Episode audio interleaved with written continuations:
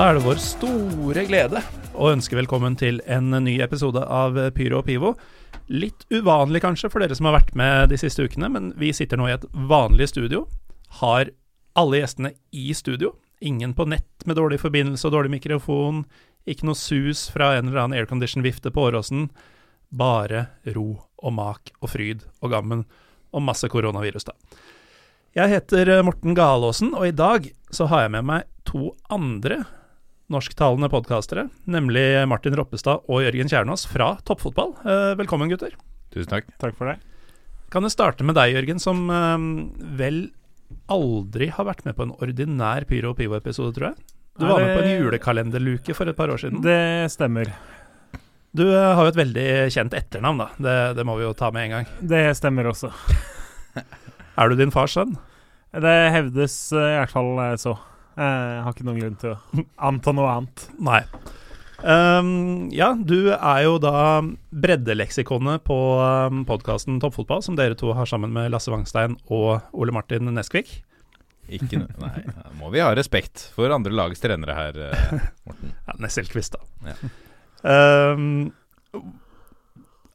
får, du noe, får du noe mat eh, for tida, holdt jeg på å si? I og med at det ikke er noe breddefotball? Eh, dårlige kår der. Eh, det var jo Det har jo vært et, Å si at det har vært et merkelig år, er jo litt sånn Det har vel alle sagt det ganske mange ganger de siste månedene. Men ja.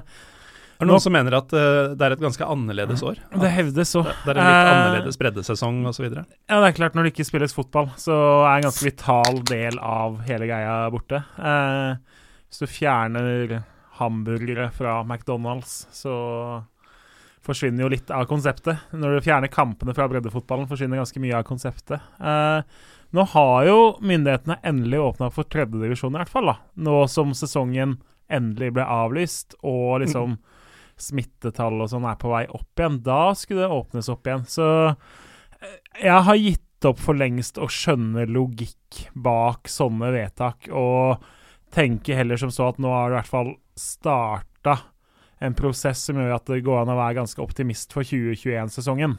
Mm. Eh, og da driter jeg i at jeg ikke skjønner logikken bak tidspunktene. Da bare tar jeg imot eh, når jeg får det.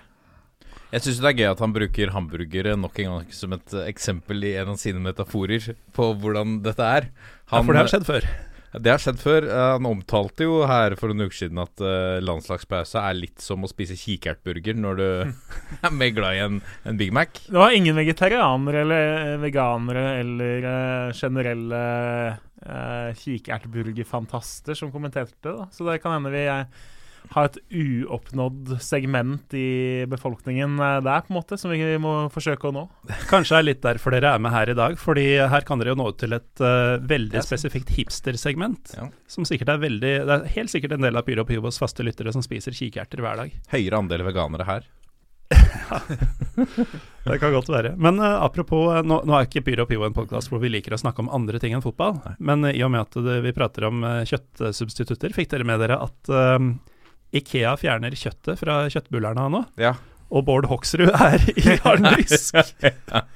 Men Bård Hoksrud er jo en, det er jo en nydelig politiker. Det er selv, han, han står jo på litt feil side politisk for min del, men sånn eh, Hvis du plukker fra partiet hans over joviale og likende politikere, så tror jeg ganske mange, uansett hva du stemmer ved stortingsvalget, ville hatt han ganske høyt på sin liste. Jeg var jo på poker-NM med han i fjor. Han var jovial og fin eh, både ved bordet og på fest, holdt på å si. Så men, eh, men da fikk han ikke noen veganske substitutter eh, servert, da. Roppestad rister på huet. Nei, det er jo en nydelig karakter, selvfølgelig. Jeg henger meg litt på Kjernas her at det, er jo ikke partiet etter mitt hjerte, men, men det er jo i hvert fall en mann som gjør sitt beste for å hva skal vi si eh, få skru på litt flere, gi det litt flere sjarmpoeng, da. I hvert fall. Det er ikke så mange som eh, etter min mening eh, drar det lasset. Så kanskje litt mer sånn genuin for folk flest-type enn mange av de andre toppene der. Altså, jeg, Ja, jeg tror ikke ja. dette at det er en skandale at det ikke er kjøtt i kjøttbullerne lenger. Jeg, jeg tror ikke det er et populistisk utspill. Jeg tror han faktisk er forbanna fordi ja. noen har tatt bort kjøttet hans. 100. Ja, men det Jeg hadde også blitt jævlig snytt hvis eh, jeg dro på Ikea, eh, sånn som man jo må av og til, tydeligvis, eh, og så Da skal du jo ha et eller annet å spise. Det er liksom det er minstekravet mitt for å være med dit. Da skal jeg ha et eller annet på den restauranten, selv om du angrer på den køen også med en gang. Men jeg skal ha Mm. noe. Og hvis jeg hadde bestilt kjøttboller, og så hadde jeg fått Nei, det er ikke kjøtt i kjøttbollene. Det er jo altså Men det vakre med dette nå er jo at du eh, kan jo få I landslagspausen så kan du dra på Ikea og spise kikertkjøttboller. da Så har du, får du på en måte liksom lever du ut din egen metafor. da Så kan du dra på Mækkern når det er eliteserierunde. Ja, nei, det ikke, ikke plant den ideen om at Ikea er en fin, Uh, fin ting. Sånn, nå på søndag er det jo ikke eliteserierunde. Da kan man jo dra på Ikea. Nei, det, det er ikke nevnt i heimen. Ikea på søndag, det hørtes ganske Er det åpent det, på søndager? det er sikkert det, vet du.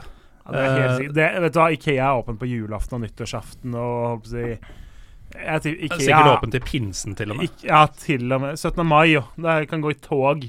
Få rabatt på pølse og Mm. softis, eh, tipper jeg.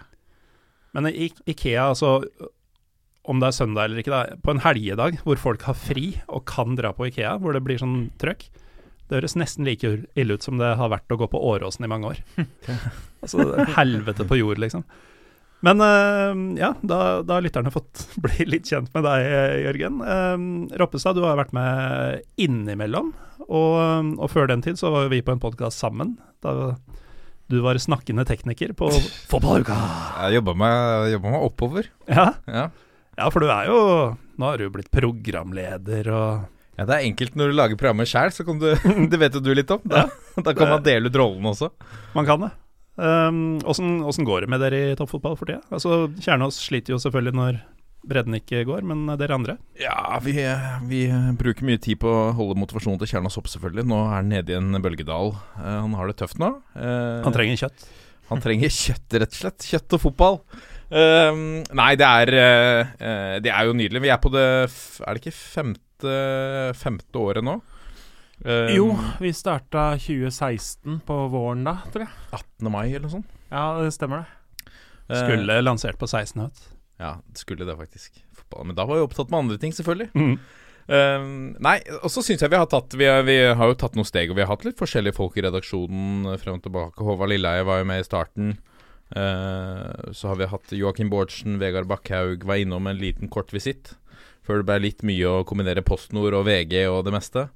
Uh, og nå har fått inn uh, Ole Martin som, som bidrar med et Altså Der har vi jo noen en direkte link inn i toppfotballen.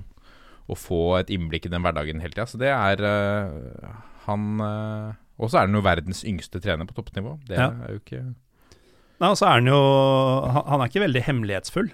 Så han serverer jo holdt på å si, virkeligheten fra Og du, du sier toppfotball, det høres jo rart ut når man snakker om en klubb som Strømmen.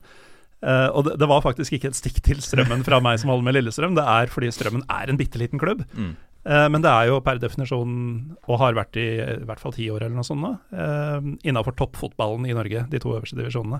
Så det er jo et, uh, det er jo et skup for en podkast som sitter seg inn på det dere gjør, da. Ja, det er litt morsomt å, å, å ha, en, uh, ha en trener med som er ung, som står for en del uh, En litt sånn nytenkende lederstil, uh, og som har leder en klubb hvor det faktisk er veldig opp til han hvordan det går. Eh, selv om han vil ikke innrømme det sjøl. Han er flink på å trekke fram daglig leder, Plystreren og, og Bobo og de andre som er med og drar lasset. Og de er viktige, viktige folk uten tvil for å dra strømmen videre. Men, men uh, det er jo i først sånne klubber som egentlig har alle odds mot seg, at du får se hvilken effekt arbeidet som trenerne legger ned. Så det er litt morsomt. Og så er det litt sånn Det er litt sånn Strømmen er blant flere klubber. Anheim eh, På en måte et sånt klassisk eksempel hvorfor, på hvorfor jeg liker den norske fotballen aller best. da Mm. fordi du har Vi har litt sånne Askeladner. Vi har litt sånne klubber som hvis du faktisk jobber hardt, så kan du få til store ting. Mm. Uh, og du har ikke det store klasseskillet kanskje som du har i andre ligaer. da. Da du og jeg var på um, fotballuka, så er jo det en podkast som tar for seg noe helt annet enn enn Strømmen og, og Hønefoss og den slags. Um, det er jo topp fem-ligaer, det er Champions League, det er Ronaldo Messi og sånn. Uh, og både du og jeg har jo vært gjester på United We Podcast, som uh, holdt på å si recovering United-fans, kanskje begge to. Um, Åssen blei det til at norsk fotball bare tok over for din del? Jeg tror eh, um,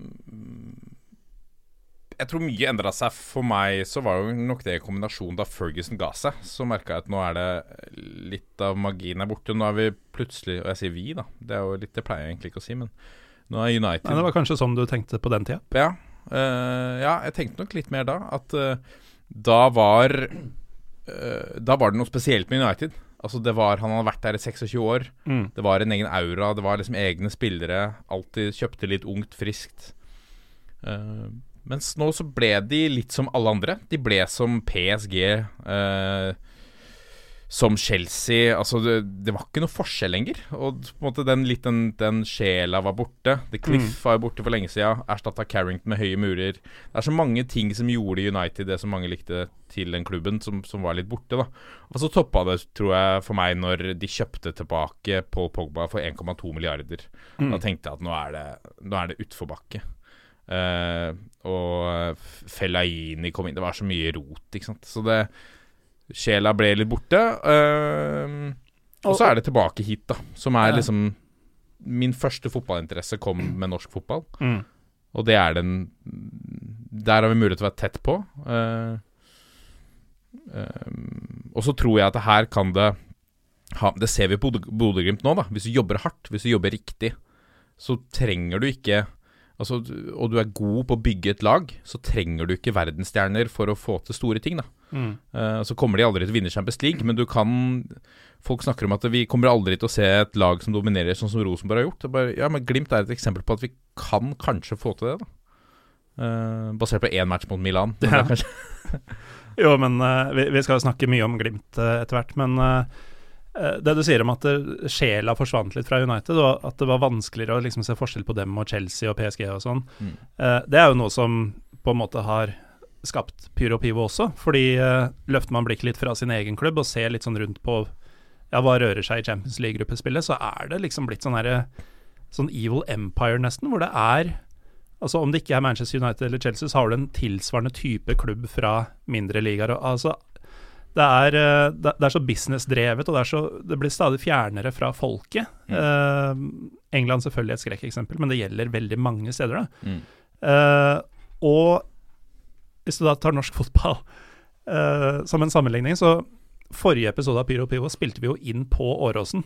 Fordi LSK lot oss ha en VIP-losje som vi bare kunne sitte i. Fordi Hvorfor skulle vi ikke det, liksom? Den var jo ledig. Og eh, den dagen så var Jeg ble litt sånn her ny, nyfrelst på spesielt LSK, men egentlig hvordan norsk fotball funker. Fordi dette starta med at jeg og Trym Hogner, som eh, både våre og deres lyttere eh, kjenner eller bør kjenne til, vi dro og så på treninga til LSK, som jo er åpen for alle. Det er bare å møte opp, holde litt avstand, ikke være idiot. Og da var det jo sånn spillerne kommer jo og hilser på Melgavis, som du har møtt i hvert fall én gang, Martin. uh, var jo veldig på, skulle nesten ha oss med inn og trene med dem.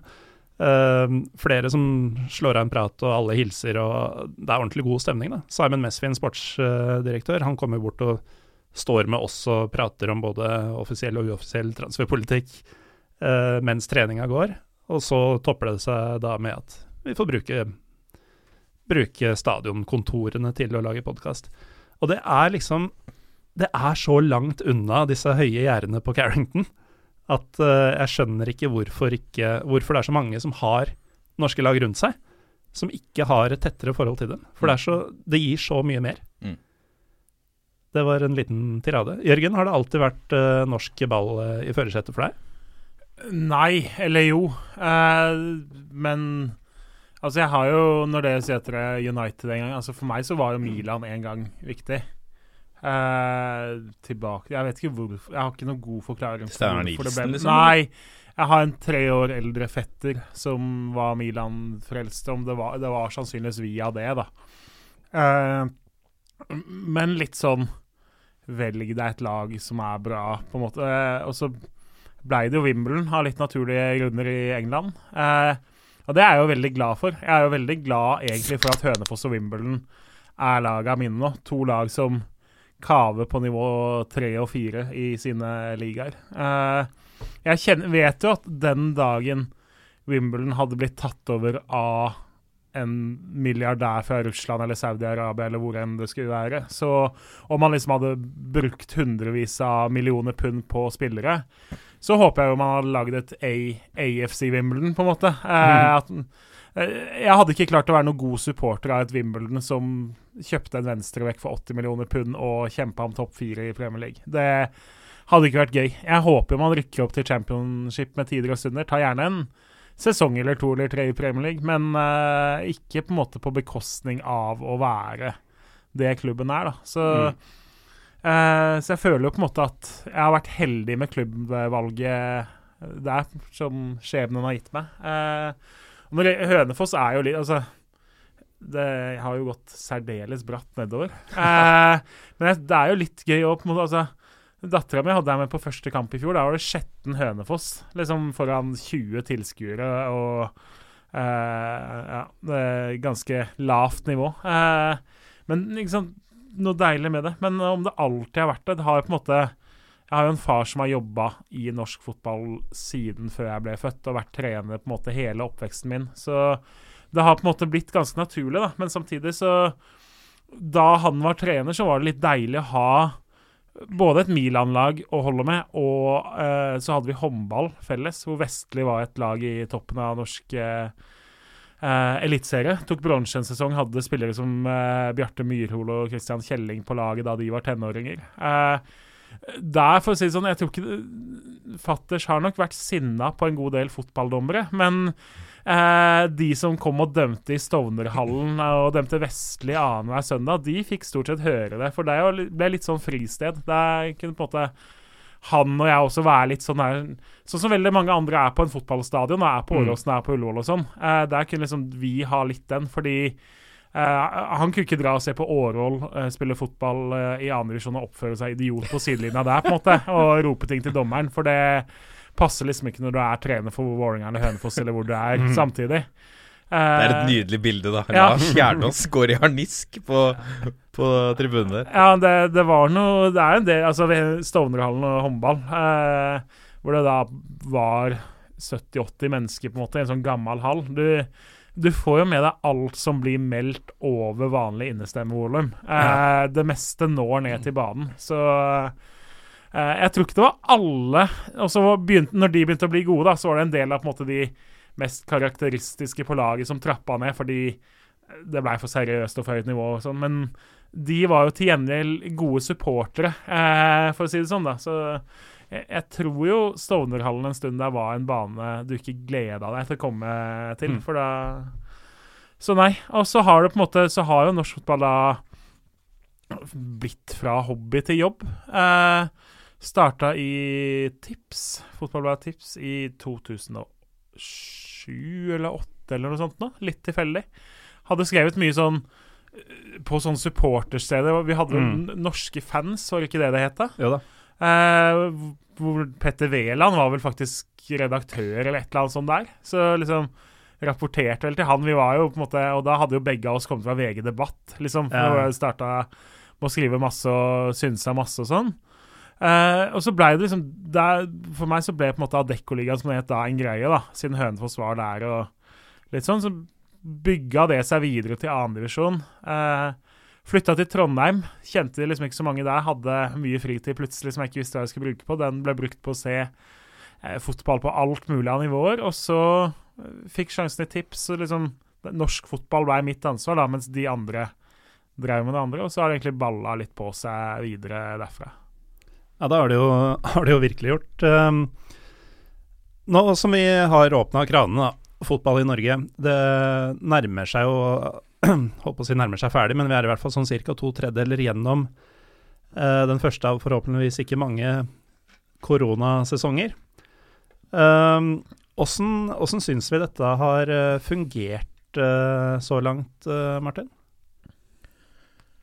Så alt fra Altså hvis man ser bort fra på en måte regjeringens håndtering, eller eh, Nei. Uh, nei, altså ut fra forutsetningene, så syns jeg jo uh, at Jeg kan jo si at da vi var i sånn mars-april og sånn, tenkte jeg at det blir ikke spilt noe fotball i Norge nå, det er bare å glemme. Uh, og, og, da var jeg faktisk sånn at jeg tenkte det er ikke viktig nok til at de bør um, legge noen ressurser og sånn i dette. Det er så mye annet som krever det.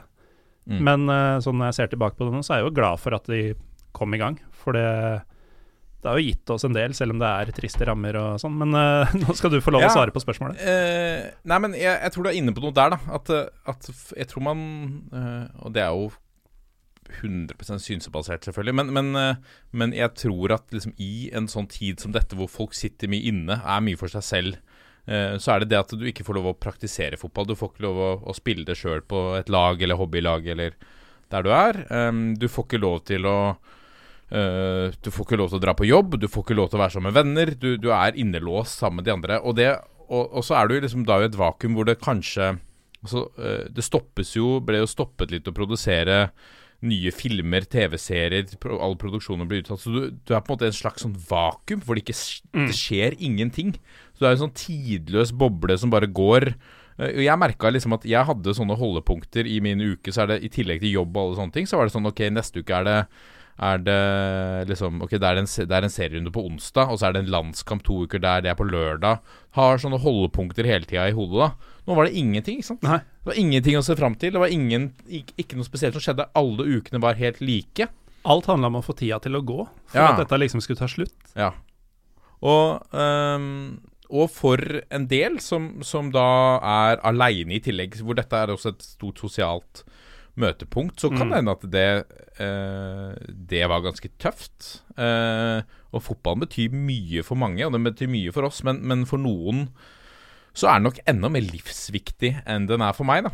Eh, og det, så det er et viktig punkt. Um, eh, Men det er jo noe man ser øhm, hvis man drar på kamp, altså uansett om du ofte drar til Liverpool for å se kamp der og, og gå på puben, eller om, om du ser ditt norske lag annenhver uke eller hver uke, så ser du jo alltid disse traverne som det er grunn til å anta ikke har noe annet enn disse dagene her. mm. At, altså som et sosialt øh, bidrag, da, eller noe som gir mening i hverdagen. Mm.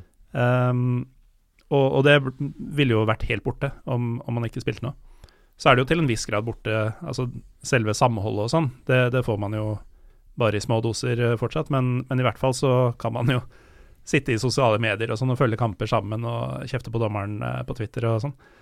Um, hva tenker du, Jørgen Kjernås, om uh, sesongen så langt? Har det, har det vært verdt det? Ja, det har det definitivt. Eh, som Martin er inne på. Altså det, både fra det perspektivet med hva da fotballen betyr, men også for fotballen sin egen del. da. Eh, fotballen og toppfotballen i Norge som bedrifter er jo avhengig av at hjulene holdes i gang så mye det lar seg gjøre.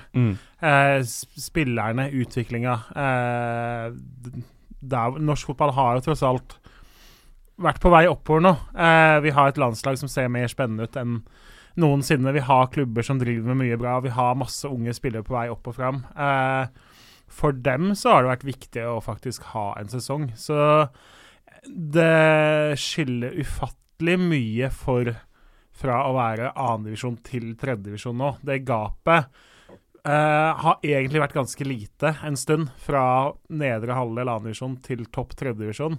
Det gapet tror jeg vi fort kan få merke hvis cupen kommer i gang i mars og april, at har blitt ganske så mye større. Fordi konkurranseforutsetningene er helt snudd på hodet gjennom snart et helt eh, eh, en hel kampsesong. Eh, men uh, så er det jo også litt Altså, det er jo alltid mye å ta på her, fordi uh, veien har jo blitt veldig til mens man har gått. Mm. Men sånne ting som at når du sitter og ser at på Lerkendal, som rommer 21 000-22 000 egentlig, så har du lov til å ha inn 200 mann på kamp. Uh, og så kan du da spark, ta Be Pål Helland ta tre cornere. Hvis han sparker ballen rett oppover veien, så er han da på Nissekollen, hvor Nardo holder til å spille annendivisjon. Verdens minste sittetribune, kanskje plass til 70 stykker, egentlig. Inne på Nissekollen så har du også lov til å ha 200 Mm. mann på kamp. Uh, og det er greit, OK, i starten Jeg skjønner at man, ok, det hørtes fint ut med 200, men og så øker det til 600, da. Men at man ikke klarer på en måte å gjøre forskjell på Lerkendal og si Kristiansund stadion, da. Ja.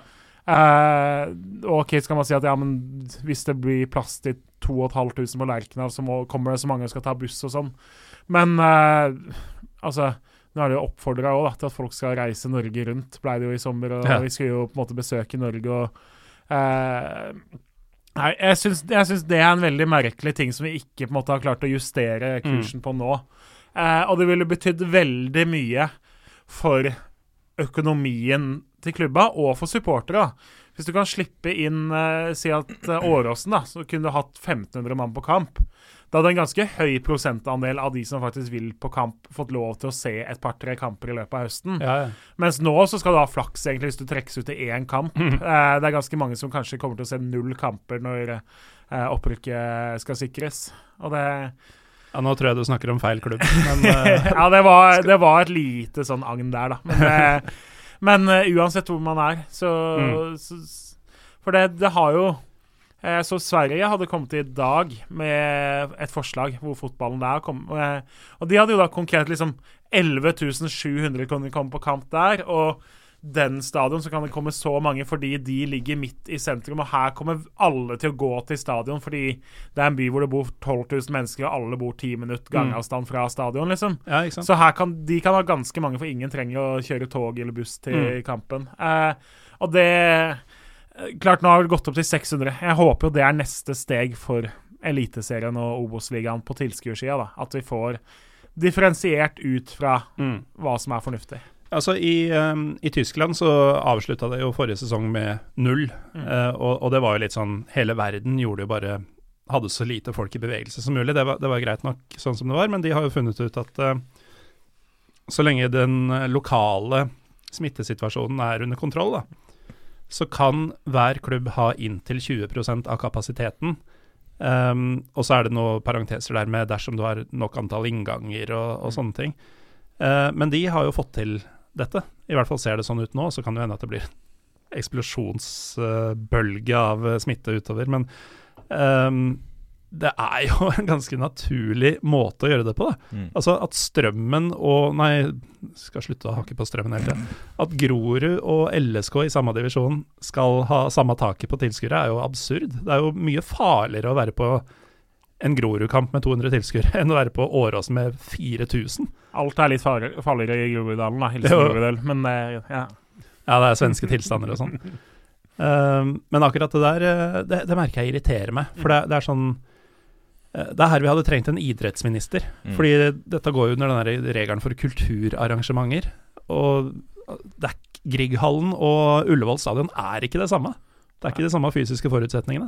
Nei, ja, ja. Nei, det merker vi jo liksom Dette er jo ikke en politisk podkast, men Nei. Eller eh, på mange måter, kanskje noen ganger er den det. Ganske men, ofte. Ja, um, um, men men det, du er jo inne på noe der, syns jeg, da. Fordi at eh, med all respekt for Abid Raja, uh, han fikk jo en uh, Altså, han har vel hatt den tø tøffeste oppgaven i en kulturministers uh, historie. Altså i, til uh, historien til den statsrådposten.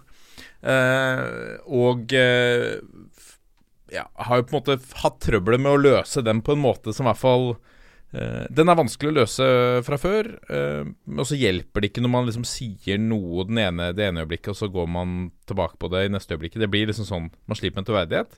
Og så tror jeg at, at uh, Toppfotballen har jobbet hardt i korridorene her. Da. Det er uten tvil, uh, uten tvil det. Det er, det, er, altså, det er mange hundre millioner eh, kroner på spill for mange klubber, for NFF, for norsk toppfotball.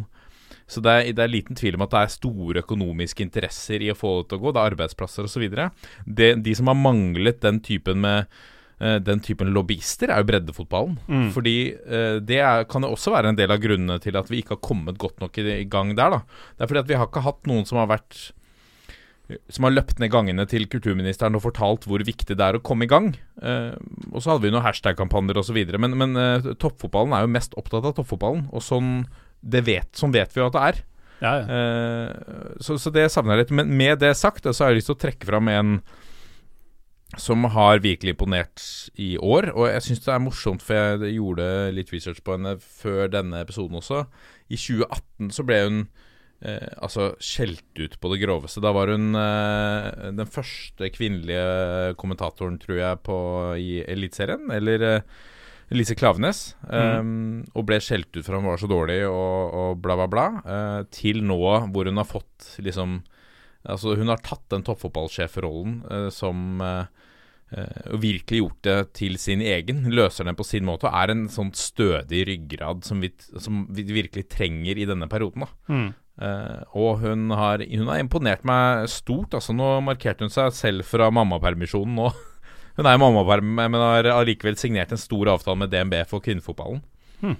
Uh, og, og, og det er nok uh, vi, Det er nok en, et skifte som vi har trengt litt i fotballen. Få endre litt på, på den Hva skal vi si, den miksen som er på Ullevål stadion. Uh, få inn litt andre folk. Og det har jo vært litt skandale knytta til generalsekretær nå, så det er jo mange som hadde lave odds på at det var Lise Klavenes som ble en ny person i, dem, uh, i den stolen etter hvert. Og det Mm. utelukker jeg ikke overhodet uh, i fremtiden heller.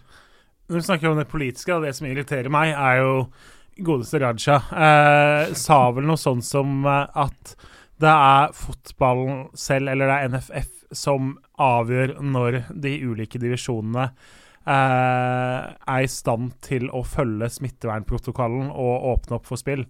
Med andre ord, han hadde jo et Altså, det utsagnet han kom med da i mai eller juni, eller når det var, la jo egentlig i henda på NFF at de kunne åpne opp divisjonene når NFF fant det hensiktsmessig.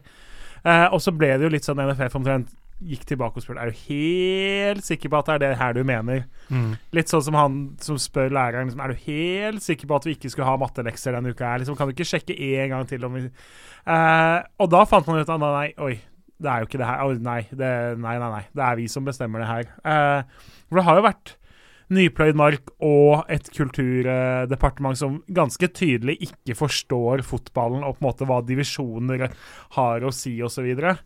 Eh, men altså, da burde man bare tatt ham på ordet, fått åpna opp tredjedivisjon i hvert fall fort som fy, fått med fjerdedivisjon. Sa- og liksom Da kunne egentlig ikke Kulturdepartementet gått tilbake på det. Det hadde jo vært politisk kjempepinlig å liksom gå tilbake på det to uker seinere og stengt ned igjen. Eh, en annen ting, og nå, altså, nå som det jo er åpna, så har man jo Kulturdepartementet har jo bestemt seg for at idretten selv skal bestemme i hvilke, hvilke idretter som skal få åpne først. Eh, og så har jo da alle de forskjellige idrettsforbundene kommet med sine ønsker og forslag og sånn. Så da har man jo endt opp med at eh, blant annet Nå er jo i fase én er jo beslutta åpna nå. Det er jo det som gjør at tredjedivisjon får lov til å åpne opp. Eh, for det første så har man jo nå beslutta at viktige ting som sandbryting og håndbak blant annet er åpna opp for. Uh, Det er jo direkte kontaktsport! Jeg, jeg sliter litt med å se liksom at Klart, nå kjenner jeg ikke sandbrytingssesongen. Det er godt mulig det er en sesong som går fra november til eh, april. altså. Hva, hva, hva, hva er sandbryting? Er det bare Bryting i sand, Ja. tipper jeg. Jeg må innrømme at researchen min Som ikke gjør med er bryting, bare med sand? jeg, jeg tror det. Men Eh, cricket må jo være en ypperlig koronasport. Ja, ja, men eh, også i tillegg, da, så har man beslutta nå at uh, i tillegg til tredjedivisjon, så skal all damefotballen åpnes. OK, det er på en måte hyggelig, og det er ikke så mange som spiller damefotball på de lave nivåene som det er menn. Men altså, jeg hadde vært jævlig forbanna hvis jeg spilte i fjerdedivisjon og hadde litt ambisjoner. liksom, og Nå skal vi rykke opp til tredjedivisjon, og skal jeg vise meg, og så skal jeg komme opp til annendivisjon og tjene litt penger på det. Og liksom ha litt ambisjoner. Og så får du se at sjuerlaget med damer, som da er 48 år eh, De får lov til å stå og spille fotball og får lov til å starte med kamper. Eh, All Girls-laget får lov til å spille liksom foran fjerdedivisjon. Den prioriteringa sliter jeg stort med å skjønne. Uh, det er klart det er fint for disse damene, men uh, ja, det, det blir litt feil tidspunkt å på en måte kjøre litt sånn Uh, Nå skal kvinnene få noe tilbake, da. Det er fint at annendivisjon, men når det på en måte er åpna for annendivisjon for damer, da begynner det ganske å stoppe med på en måte ambisiøse og seriøse nivåer for dem. Eh, så ja. Det, Men dette er jo litt sånn som jeg har opplevd politikken og, og strukturen, eller hva vi skal si, i dette her generelt, da. At det er vanskelig å se en sammenheng eh, og en rød tråd i hva som blir beslutta. for det er jo ingen grunn til at, som du sier, old, uh, old ladies uh, 48 sjuer skal kunne spille, mens eh, vanlig tredjedivisjon eller fjerdedivisjon ikke kan. Uh, men det, det er noe som det er, og nå er det jo snart november, så det er ikke så mye tid igjen å spille for noen. Men uh, det er jo noen som har spilt noe helt jævlig i år, da. Uh, og de kommer fra Bodø. Mm. Hvor, Hvorfor er Bodø det beste laget altså Bodø-Glimt det beste laget norsk eliteserie har sett noensinne? Det har jo vært forsøk på å forklare hvorfor de er så gode. Jeg har, jeg, jeg har ikke noe magisk svar til deg uh, her og nå på det. Og jeg har ikke Det er jo Alle mediene har jo prøvd å lage saken som forklarer det, og liksom OK, eh, oppmannen lager på en måte Altså har de og de Men altså, det er ingen som har klart å finne den der eh, magiske formelen for hva det er som gjør det. Men er det rett ordvalg? Er de det beste laget noensinne, sånn poengmessig? Jeg, kan ikke, jeg har i hvert fall ikke sett maken i min levetid. Ikke de beste Rosenborg-årgangene. Var i Nei, nærheten altså klart, å Rosenborg gikk jo under Erik Hamren, så tapte de én kamp på to sesonger. Men det var jo et lag som ikke briljerte. Som var kontrollerte, og som gjerne vant 1-0 og 2-0 og eh, ikke peisa på i angrep eller sjarmerte noen. Tvert imot. Eh, så er det jo noe av de kjedeligste Rosenborg-årgangene vi har hatt i min levetid, egentlig. Eh, selv om de var fullstendig overlegne poengmessig. Eh, det er jo det som er så vanvittig med Glimt. Og man må jo huske på at de solgte tross alt Lajoni og Håkon Evjen eh, i fjor, som da var de to desidert største driverne for at det ble et sølv i fjor, da alle tippa en på nedrykk. Eh, og så klarer de da å erstatte det med to kantspillere som viser et enda mer sinnssykt nivå. Uh, Og ikke bare det, men du har altså Rosenborg på det tidspunktet var i en egen Altså var i en egen liga. Man snakker om at Glimt er det nå, men økonomisk, altså etter så mange år i Champions League, alle de millionene De kjøpte jo spillere internt i Norge for 20 millioner kroner. mm, Uh, altså det var, det var feige lag, da, rett og slett. Det var det. Uh, nå, nå har Glimt liksom De har fortsatt Molde å bryne seg på, som har mye mer penger ute med. De har Rosenborg, de har klubber som liksom Brann, eh, Vålerenga, som også Rosenborg hadde. Men, men du har de to store, kanskje, da i Molde og Rosenborg. De er her og, kniver i mye større grad med de nå enn en Rosenborg hadde innpåslitne Mm. en innpåslitning. Kanskje foruten av Stabæk da på, på 2000-tallet der, men eh, men eh, Nei, men det er eh, Det er det er jo flere som Ja, ja, det er helt Jeg hører det er flere som Altså flere peker på ulike ting. Vi, vi hadde jo en episode her for noen uker siden om mentale utfordringer i fotball, og de har jo ansatt en egen mentaltrener som har jobba der siden 2017. eh, eh, som jo sikkert har vært med på å gjøre litt. Eh, de, de trener jo veldig hardt og, og veldig mye. De spiller masse treningskamper. De spiller eh, Var det før i år eller fjor, Jørgen, hvor de spilte masse treningskamper mot eh, altså antatt svakere motstand for sikkert da å øve på å dominere kamper og Mm. øve på samspill og, og få inn det. Eh, de har eh, jo helt sånne eh, Altså svært tydelige rollebeskrivelser, og, og er veldig tydelige på hva slags typer de trenger, og ser bort fra egentlig hva alle andre mener om de spillerne. De, se- de henta Kasper Junker uten at han hadde liksom imponert så veldig. Det var ingen som så for seg at ok, hva skal han eh, Hva skal han opp der og gjøre nå? Stallfyll, liksom. Ja, ikke sant? Eh, de, de, eh, de er veldig sånn tydelige i, i, i hvordan de jobber. De jobber grundig med rekruttering. Og så syns jeg det er veldig gledelig nå å se at nå, nå har de solgt en av de en av de liksom eh, største profilene, kanskje en, altså større profil enn Håkon Evjen var. Og det, det skal godt gjøres, for Ja. Evjen var fantastisk. Og så markerer de eh, liksom at vi er her for å bli. Så henter de eh, altså Vetlesen, som alle forventet egentlig i flere år skal gå utenlands. Den, han henter eh, Bodø-Glimt. Uh, og det er Det ble jeg veldig glad for å se, for da har de tenkt til det viser at de har tenkt til å fortsette å være der oppe. Og så er det enda et gledelig signal, er at de henter tilbake Runar Hauge fra lån i Grorud. Og sier at liksom, nå er det en ledig plass på kanten. Uh, hvis du ønsker den, så kan du prøve å ta den. Heter han Hauge, altså? Runar Hauge? er Lillebroren. Ja, Eh, ja, okay. Runar- Da er det, ja, ja, det er det ganske ja. logisk at det er samme navn. Absolutt. Det Ja. er lillebroren. Så han er eh, Han er, har bestemt seg for å ta den plassen. Og det kan jo nevnes at det har vel lenge vært tenkt som så at Runar har jo vært sett på som et større talent enn Jens Petter eh, gans, til ganske nylig. Men er ikke lillebrødre alltid sett på som det største talentet? Jo. Det er sånn, jo, fy faen, han eh, Martin er god, men bare vent du ser eh, lillebroren eh, Jørgen, liksom. Nei, altså, De har jo gjort noen ting da, som kan bidra til å forklare det. Eh, for det første så er de nå på fjerde-femte året med samme gjengen som jobber eh, med det sportslige.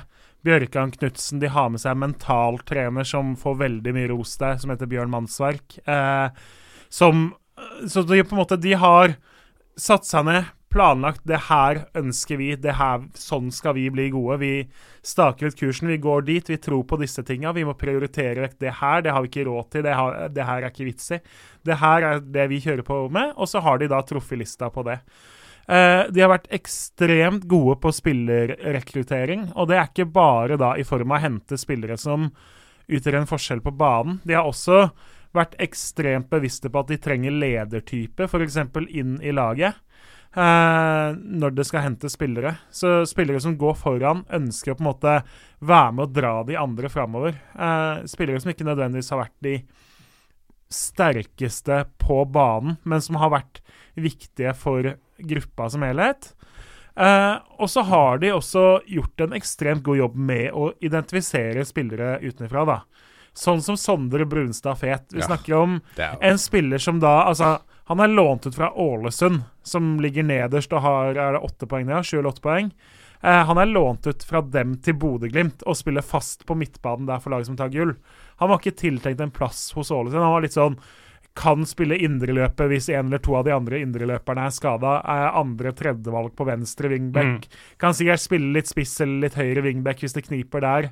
Eh, egentlig en spiller Ålesund følte var helt OK å låne ut. Jeg tror ikke noen i Ålesund var lei seg for at han ble sendt eh, nordover. De lurte kanskje på hva i all verden er det Glimt Ja. tenker? Ja, eh, og så er det liksom De to siste treningskampene da, før seriestart så spilte Glimt mot Rosenborg og Vålerenga. Eh, de så ganske stusslige ut. Jeg har lurt på om Bodø-Glimt med vilje fikk beskjed om at spill på 70% i de kampene her. Det er klart De mangla en del av profilene, men det er nesten så jeg tror de dreiv med litt sånn narrespill eh, før kampen, eller før liksom alvoret starta. Smokescreen. Ja, nest, altså, jeg, jeg er ikke veldig konspiratorisk av meg, men akkurat der så føler jeg nesten at eh, de fikk beskjed om å ikke faktisk røpe hvor gode de faktisk var. Mm. Uh, og så har de For noen år siden Bodø-Glimt var jo om ikke på vei utfor stupet, så hadde de en gjeld som var litt stor og bekymringsverdig når vi går noen åtte-ni-ti år tilbake. Ble gjeldfrie eh, omtrent midt på 2010-tallet. Eh, fikk noen avtaler og noen sparebanker og litt sånn som hjalp til, sånn at uh, på en måte hele den økonomiske byrden forsvant av skuldrene. Bestemte seg, de satser på junioravdelinga. De skal Vi er på en måte regionsenter. Vi har Bodø er en relativt stor by. Uh, ganske mange ser på Bodø og Bodø-Glimt som sitt naturlige sted for å ta steg. Ansatte masse dyktige folk i junioravdelinga framfor å da betale to millioner for en svensk venstrevekk, på en måte. Mm. Eh, valgte da heller å opprette masse trenerstillinger, hente opp eh, dyktige folk der. Så, og det ser man, ikke sant. Det er det som er så deilig med altså, Patrick Berg, Fredrik Bjørgan, Håkon Evjen, Jens Petter Hauge. Det er jo spillere som kommer opp fra eget system. Eh, helt sånn Sånn som man føler at Westham var for 20 år siden. For eksempel, ikke? Lampard og Cole og Ferdinand og he hele gjengen kom opp samtidig. Før de ble en del av den der sjelløse massen vi snakka om i stad. Yes. Plastikk. Mm. Så nei, og så Nei, det Men så er jo ja, så, Se Philip Sinkernagel, da. Han har 27 målpoeng eh, så langt denne sesongen. Rekorden i Eliteserien siden man begynte å gjøre målgivende til en ting, tror jeg er 28 på Veigar Pall Gunnarsson. Eh, så han, altså, han er ett målpoeng unna å tangere han, og har da 11 matcher igjen å gjøre det på. Uh, så nei, Og det er jo en spiller Han er 26, eller hva han er. Uh, han har utgående kontrakt. Han har liksom aldri vært ranka Altså, det er jo ikke som at uh, Bodø-Glimt har sendt sin Martin Ødegaard til Bodø. Det blir jo som at Norge sender liksom, hva skal vi si, ja, Bård Finne til Danmark, og så bare sprenger han alle poengrekorder liksom, i Danmark.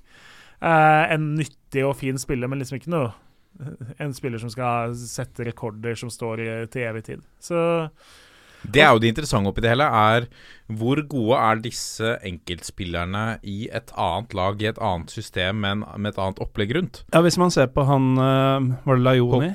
Ja, han het? Amaloyuni. Um, han sitter visstnok på tribunen i Pyramids i Egypt nå. Ja, han, han spiller ikke, men han tjener Altså, det har jo vært mye rykter om Kanskje Bodø-Glimt har lyst til ham. altså, han tjener jo 10-15 ganger det han tjente i Bodø, og fem ganger mer enn de kan tenkes å tilby Mm. han nå, så Jo, men uh, han har jo ikke fungert i det hele tatt, og jeg kan ikke se for meg at den egyptiske ligaen er sånn Uh, Det kan godt være den er bedre enn norsk, men jeg ser ikke for meg at den går mange klasser utapå, liksom. Så, så han har jo mest sannsynlig maksa ut sitt i det systemet som Glimt spilte. Det er, jo, det- er jo samme Kasper Junker, f.eks.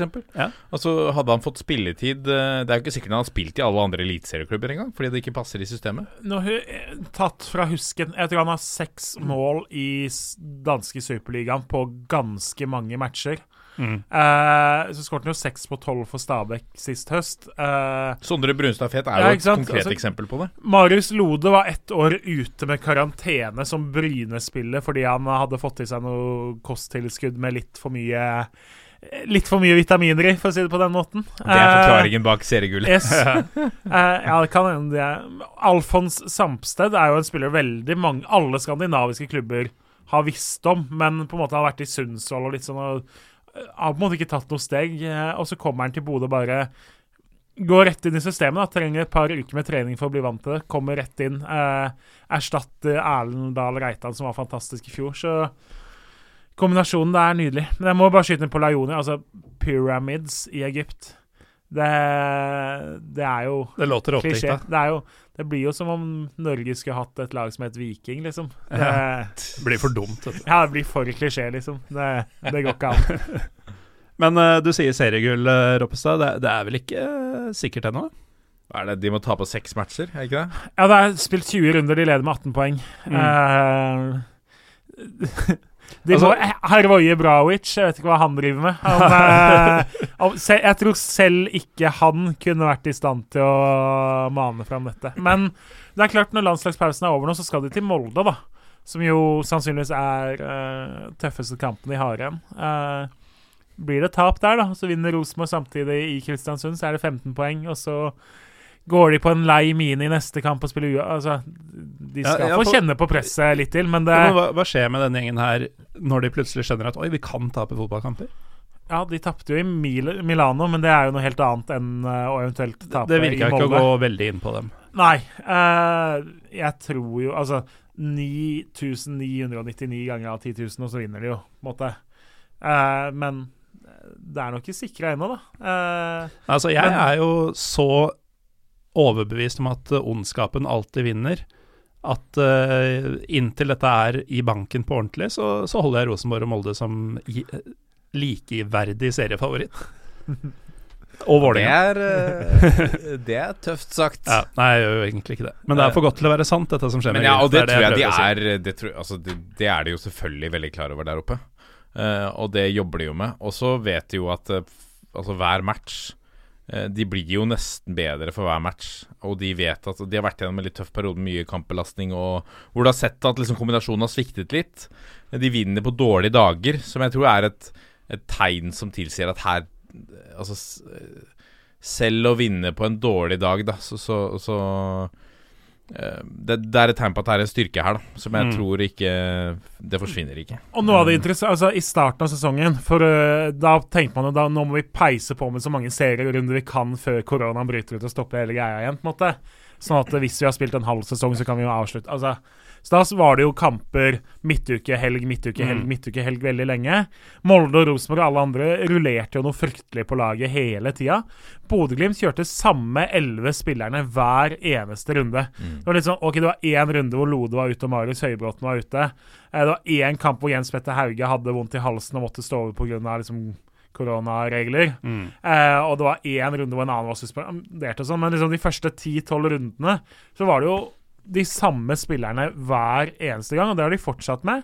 Og så satt jo alle og liksom OK, nå jeg ser på Molde nå, liksom Eikrem har spilt 300 minutter, mens Sinker Nagel har spilt 670 minutter. Nå kommer, liksom, nå kommer de til å slukne på Bodø. Og så har jo aldri den smellen kommet. Så eh, det fysiske er jo særdeles imponerende her. Eh, der Rosenborg på en måte har ikke fått i gang siden de har slitt med de skadene. Molde har slitt med skade. Alle liksom har litt her òg. Bodø-Glimt har jo knapt hatt en skade. Eh, de har hatt noen sånn som Morten Konradsen som fikk en skade som han hadde fått uansett, da, liksom før sesongen. Eh, Junker som har sine ting han sliter med. Men ellers så har det jo ingen som ser ut som de er prega av å spille 90 minutter hele tida. Og de bytta jo nesten ikke i kampene heller. Det var litt sånn OK, nå leder vi 6-1 i Ålesund, da kan vi kanskje slippe til noen i 25 minutter. Men ellers så kjørte de jo på 90 minutter, 90 minutt, minutter, 90 minutter. Eh, ja. Her er vi inne på litt sånn Og, og, det, det kan de også. Uh, ikke for å ta noe ære bort fra Glimt, men, men, det er klart at de har jo løst dette på den beste må måten sett retro Altså sett uh, Vær etterpåklok, da. Um, jeg har snakka med flere klubber som, som nå merker at vi er altfor dårlig trent. Og som har vært redde for å trene for hardt etter covid, for de er redde for skadebelastningen. Mm. Så man har roet ned treningsmengden. Um, og det får de kjenne på nå, da. For nå, de, nå blir de løpt fra, da. Og de er for slitne. Og det er jo masse klubber som underpresterer nå, som er man kanskje hadde sett høyere opp uh, Altså i Obos-ligaen f.eks. Sett høyere opp i utgangspunktet på en, på en, tabell, men som nå blir Altså, de blir løpt litt i senk, da.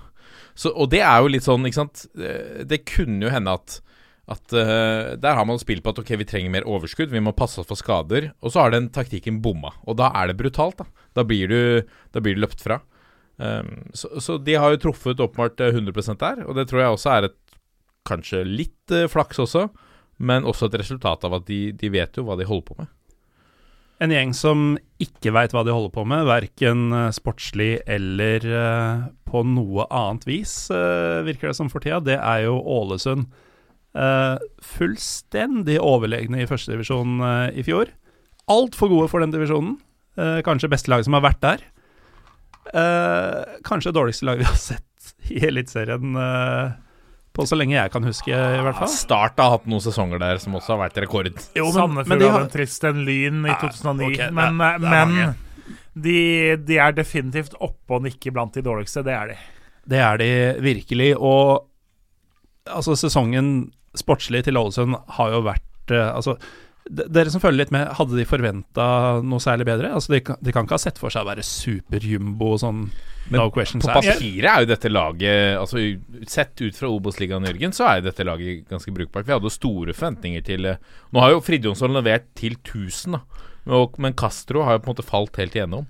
Jeg tror de aller, aller fleste hadde på en måte Sandefjord og Mjøndalen eller Start kanskje som sine tre nederst. Og så hadde nok de fleste da Ålesund et sted mellom 13 og kanskje liksom opp mot 8-9. De fleste mm.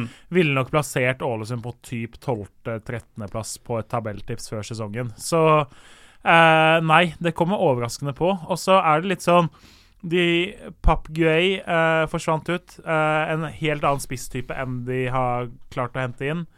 De solgte Aron eh, Trandarsson på uh, midten, som var den skapende kraften der. De har ikke klart å finne liksom stopperne. Uh, også i tillegg, under boen da, så spilte de ufattelig naivt i den 3-5-2 og 3-4-3-varianten sin. Det, Mjøndalen De møtte jo Mjøndalen hjemme og bestemte seg nå har vært hard kampbelastning. Nå kaster de utpå et par unggutter som aldri har spilt A-lagsfotball fra start av. Og i tillegg da et Trebecks-forsvar som ser ut som de har Altså, de tre som spilte bak deg, så ut som de regelrett hata hverandre og hadde bestemt seg for å gjøre livet til et helvete for de to andre. Uh, Veit ikke hva de driver med. Har keepere som prøver å overgå de andre i å være liksom, om å vinne banens dårligste konkurransen uke inn og uke ut. Så, så nei, man burde kanskje sett det komme at Ålesund skulle fått en dårlig sesong. Eh, og at de kom til å slippe inn mye, det ante man, men så tenkte man jo liksom at 4-3 uh, er tross alt tre poeng. da, på en måte At det kommer til å 3-3 er ett poeng. Uh, at de skulle på en måte klare å dekke opp svakhetene sine med styrkene. Men som du sier, altså Castro har jo vært ingenting, egentlig. Uh, de har hatt masse skader på midten.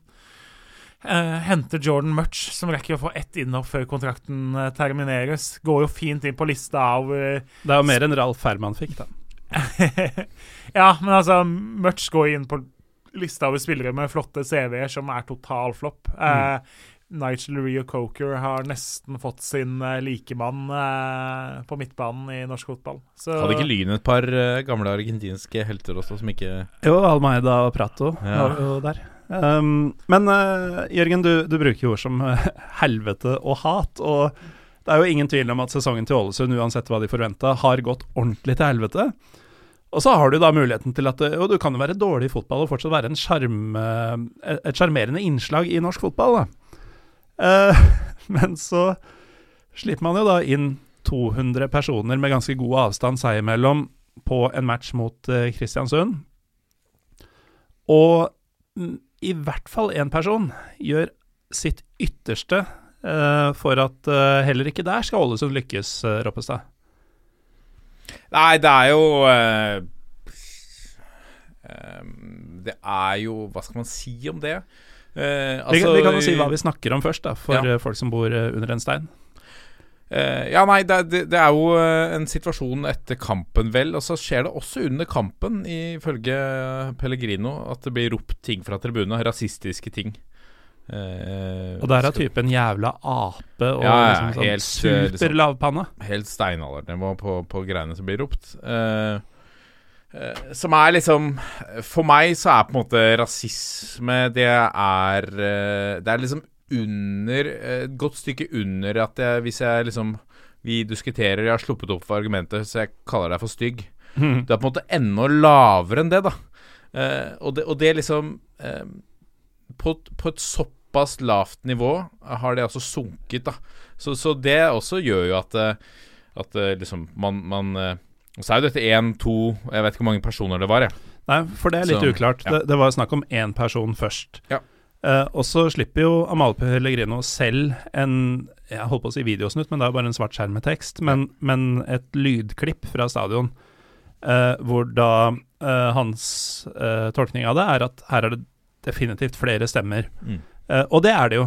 Men jeg skal innrømme at eh, jeg hører ikke vel helt tydelig Altså, jeg kan ikke konkludere etter å ha hørt den et par ganger om at alle roper det, det som det sies at det ropes. Nei. Så nå kom, var det akkurat den som la ut på Twitter en video hvor det på en måte er, lyden er skrudd opp litt, og hvor man hevder at noe av det Pellegrino har lagt ut, er feiltolkning, da, på en Mm. måte.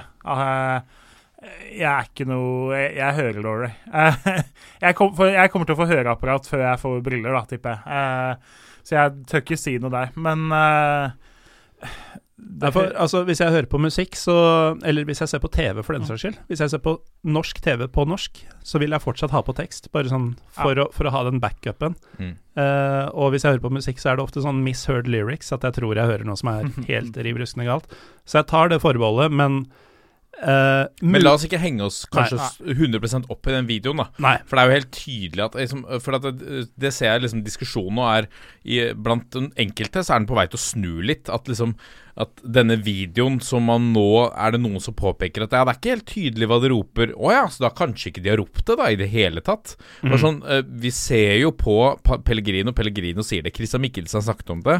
Eh, det. Det blir ropt ting fra tribunen. Definitivt. Eh, det er flere andre vitner som sier det samme. Mm. Så la oss liksom Ok, for, for det er en litt sånn Litt uheldig vinkling enkelte ganger. Ofte kanskje, altså i det siste dette året, eh, i forbindelse med rasisme, er at folk kommer litt sånn flisespikkeri. Og så glemmer man det liksom helt vanvittige utgangspunktet mm. som, som er her, da. Det er en eller flere som står og slenger rasistiske ting på en, eh, på en fotballtribune. og det er altså, udiskutabelt. Det har Det, er, skjedd. det har skjedd Mm. udiskutabelt. Og så om den videoen eller ikke, bla, bla, bla. Glem den videoen, da. Dette har skjedd. Dette må vi forholde oss til, Mm. eh, og dette tar vi utgangspunkt i. Og så, eh, med det sagt, så er det jo også et Neste element her er hvordan klubben behandler denne saken. Eh, er jo ett element i det. Og det som jeg var en av de som reagerte veldig sterkt på, er hvordan de kommuniserer dette. Ja, fordi det skjer. Eh, og, og det har skjedd. Du kan ikke gjøre noe med det annet enn å vise tydelig at det her er faen ikke greit. Eh, og det første som skjer, er vel at uh, en representant for Ålesund fotballklubb Mm. uh, nesten legger det over på Pellegrino.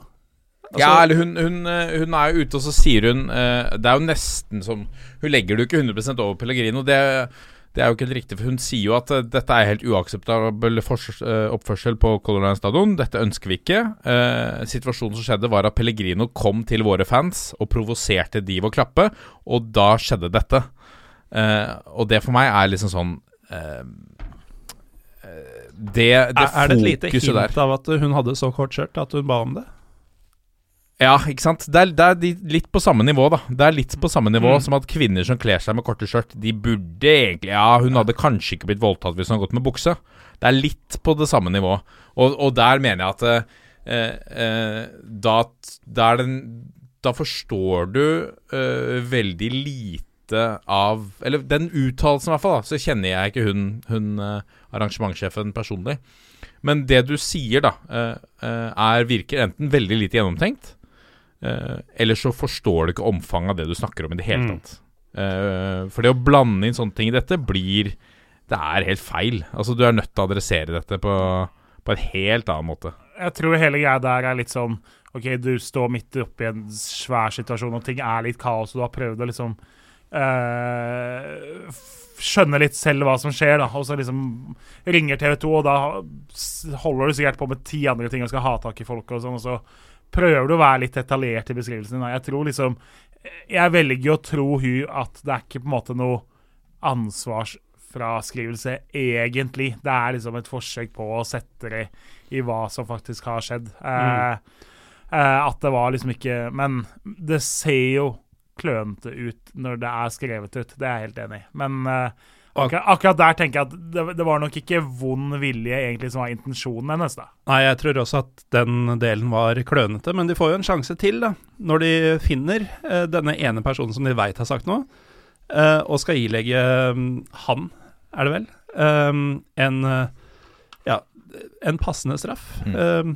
Får han en passende straff, Martin Roppestad? Jeg gikk jo inn og, og kikka litt på andre lignende situasjoner i 2020 for rasisme på fotballtribuner. I, I England så har de jo et system for dette. Sånn generelt så er det jo til enhver tid så er det 2000-3000 som alltid er utestengt. Så man kan gå inn og, og liksom Fra hver klubb så er det liksom et antall på hver klubb. Så er det store overskrifter. Nå var det stor overskrift Halifax, no people. Zero people banned this year. Og stor ståhei og stor feiring. Så, så Det skal ikke kunne skje. Nei, det, og det var ikke bare rasisme, det går jo hardt for seg på engelske tribuner. Men, eh, men, eh, men her Vi hadde jo en sak i januar hvor det er eh, det er to personer som er utestengt i fem år fra alle Manchester City sine kamper. Eh, etter eh, De er eh, Altså det er City-supportere som har slengt rasistiske ting til Raheem Sterling. Mm. Uh, I tillegg så er det jo anmeldt Til sin egen spiller. Absolutt. Så det er jo liksom Dumheten har ingen grense, da. Nei. I tillegg så fikk de jo totalt 450 timers samfunnstjeneste. Uh, så klubben anmeldte jo dette. Det var sånn de behandla det. Uh, I samme måned 2020 så utestengte Español tolv personer på livstid fra, fra alle sine kamper. I tillegg så fikk de fem års utestengelse fra alle spanske kamper. Mm. Um, så de er jo aldri ønsket tilbake. Uh, og Espanol har sagt, sa en uttalelse at dette, er det, dette var det eneste alternativet for oss. Mm. Uh, dette, er, uh, dette er en pest som må bort. Uh, vi ønsker ikke sånne folk på våre baner. Og det eneste måten å unngå sånne ting, type ting på våre baner, er å fjerne det. Å fjerne de. Um, Og på den måten viser du også til eh, fremtidige mm, tullinger at uh, dette får alvorlige konsekvenser. Ja, ikke sant? Og det, det er jo litt som Det er jo litt som uh, Et annet eksempel som er ikke det samme, men som, og som er helt harmløst. Uh, eller ikke helt harmløst, men det er i hvert fall mye mer harmløst. Det er jo banestorming. Mm. Som jo også vi ikke kommer til å Altså, jeg syns jo det er vakkert. Jeg syns det er Det en del det er en del av kulturen. Er, Vi hadde en eh, Hva, hva het han igjen? Johnny eller et, en Jimmy annen Jump. Jimmy. Jump, ja. Som gjorde et sport i dette. Reiste rundt og storma baner og kulturarenaer. Men er det storming hvis du gjør det aleine? Altså jeg tenker banestorming, da renner gjerdene over. Ja, ja, ja, det er jo helt annet, selvfølgelig. Så det å komme over der altså Han ble jo kjendis. Det var en ære å få besøk fra Jimmy Jump. Og, og, det, og det legger man jo også til rette for. Det er klart Hadde han blitt utestengt og fått bot på, på en million kroner hver gang, så hadde man jo stoppet med det. Mm. Men, men uh, det var vel små summer, og så, og så var det lett å slippe unna. Så, så det var lett å, å fortsette med det. Og, og, og, og for min del eh, Det kan vi det er, Jeg tror det er greit at man får bot for å storme en bane på den måten, men, men jeg ønsker gjerne Jimmy Jump til, velkommen tilbake. Eh, men eh, for rasister eh, og, og så er det, hører jeg noen som sier at Ja, men det er ikke sikkert han var rasist. Eh, kan hende at det var bare et svakt øyeblikk. Eh, da er det litt sånn at eh, Snakker du som en rasist? Ja. Snakker du som en rasist, så kommer folk til å behandle deg som en rasist. Eh, og rasister ønsker vi ikke på norske fotballtribuner. Mm. Så da er det ikke velkommen på denne i, i norsk fotball. da. Så hva er eh, straffen denne personen fikk? Uh, jeg kan jo ta de andre også. Uh, jeg Ja. nevnte tolv personer for livet i Espanol. Bournemouth, ditt kjære Bournemouth, utestengte igjen i, februar på livstid. Brentford gjorde det samme i september. I oktober Ålesund, én person, én sesong. Eller halvannen sesong, da. Ja, altså ut 2020, som i praksis er ferdig. Og det er vel ingen i Ålesund som har lyst til å se de siste fem kampene heller. Nei, det kan. Ehm, og da 2021, da. Som fort kan bli ganske lik årets sesong, med tanke på stemning I og, hvert fall store deler av den. og sånn. Uh, samt at uh, jeg tar forbehold når det gjelder uh, gullet til Glimt. Jeg tar ikke forbehold når det gjelder nedrykket til Ålesund. De er ferdig. Mm. Så denne fyren skal da altså straffes, i anførselstegn, ved at han ikke får se Ålesund spille førstedivisjon, muligens foran et par hundre tilskuere i 2021. Og etter det så er det nesten konfettiregn når han kommer tilbake. Hvor sjansene uansett var litt få, i og med at han ble trukket ut eller plukket ut. ja, av ja, en av disse allerede, ja det også. Så, så straffen her er jo og, og straffen her åpner jo for at her er det Her er Det er ikke så farlig om man slenger noe rasistisk, da, fordi at du blir ikke Du blir ikke Du merker det nesten ikke. Du merker det ikke. Og fra 2022 så er eh, denne da um, Altså denne personen hjertelig velkommen tilbake for å se Ålesund på Kolveien. Jeg tror jo igjen at Ålesund har vært håper jeg, mer korttenkte enn vrangviljete, egentlig. da. Jeg tror man har satt seg ned og så har man diskutert og så har funnet, nå utstenger vi han ut 2021. Det er mer enn et år. Det er en kjempelang straff. Mm. Eh, det her kommer liksom til å være en passende straff for noe som er alvorlig. Mm. Eh, jeg tror på en måte det er det perspektivet de har hatt på det. Ikke liksom reflektert nok over det egentlig, da. Når det Jeg er kjent for å være måteholdende da, på ja, Sunnmøre. Eh, og så når det da blir masse reaksjoner og Nettavisen ringer, og liksom, så er det jo da Det er jo fryktelig vanskelig når en journalist ringer og liksom spør deg om har dere ikke lagt, gitt han altfor lang straff. Så er det jo dødsvanskelig å bare si jo, vi har det, vi skal gå gjennom det på nytt. Og eh, komme med en ny redegjørelse. på en måte. Det er jo kjempevanskelig å si. Jeg skjønner jo på en måte at du går litt i sånn forsvarsposisjon og har lyst til å forsvare avgjørelsen din og forklare avgjørelsen din. Da. Og at det liksom det føles vanskelig å gå tilbake på noe sånt noe, da. Og så føler du kanskje sjæl at faen, vi burde ha gjort det, men eh, det blir så liksom Ja, da ser det ut som vi var skikkelig korttenkt i starten, så da er det heller bedre å bare stå på det. Jeg har en datter på sju år som er helt lik. Liksom Hun eh, søler masse, eh, lager seg mat, da, og så har jeg ikke satt inn osten. Og så sier jeg du må sette inn osten. Ja, men det er ikke jeg som har tatt den ut. Jeg, altså, Det er litt på det nivået. Det er dritvanskelig. Hun kommer ikke til å innrømme at den osten er det hun som har satt på kjøkkenbenken, liksom. Eh, og Det er litt det samme jeg føler også nå. De kommer ikke til å innrømme at de kanskje burde Eller at de burde ha gitt en straff som var tøffere. Eh, da er det mye på en måte mer enklere å bare stå på avgjørelsen enn å forsvare den, det tipper jeg. Men jeg håper jo at de eh, heller strekker enda i været. For det er klart, han fyren her bør vi jo ikke få se på en god del lengre tid enn det perspektivet han nå er utestengt. Mm. Men jeg, jeg tror du har helt uh, rett, Jørgen. Jeg tror jo ikke at Ålesund er en ond uh, klubb som Absolutt ønsker ikke. rasister velkommen. Nei, nei, nei.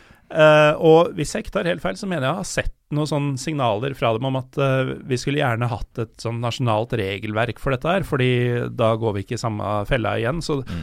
det har vært et Altså, om ikke begge hendene i været, så har det vært et tegn til at uh, vi ser at vi kanskje har Men jeg, jeg tror de skal være Jeg tror, jeg tror Når du ser reaksjonene som kom etter den første Første uttalelsen fra arrangementsansvarlig, så kanskje man skal være litt obs på at shit, her må, vi, her må vi trå litt varsomt. Her må vi vite Mm. hva vi holder på Ja. med, før vi tar neste beslutning.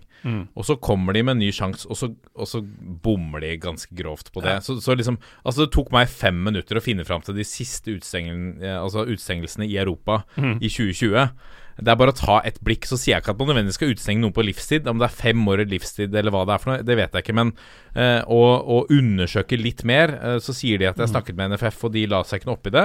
Eh, så ville jeg kanskje liksom tenkt meg litt mer om før man kom med en sånn type Uh, ny mulighet da, til å vise at her tar vi avstand. Fordi at Mm. uh, det som vi står med fasit nå, er at Ålesund i denne saken uh, har tatt to beslutninger, eller en uttalelse og en beslutning, som ikke tyder på at de tar veldig stor avstand fra rasisme. Og det er, det er veldig synd, da, for, sånn, for, for den klubben og for norsk fotball. Eh, og så tror jeg ikke verken Geir Vik eller arrangementsjefen er rasistiske, men dette er et De har en kjempeviktig rolle i kraft av å være en del av norsk toppfotball, og da forventer vi mye mer enn det de holder på med nå. Det er nettopp det vi gjør. Noen som eh, ikke teknisk sett er en del av norsk toppfotball nå, men som ser ut til å bli det igjen, endelig, er eh, Fredrikstad fotballklubb, Jørgen.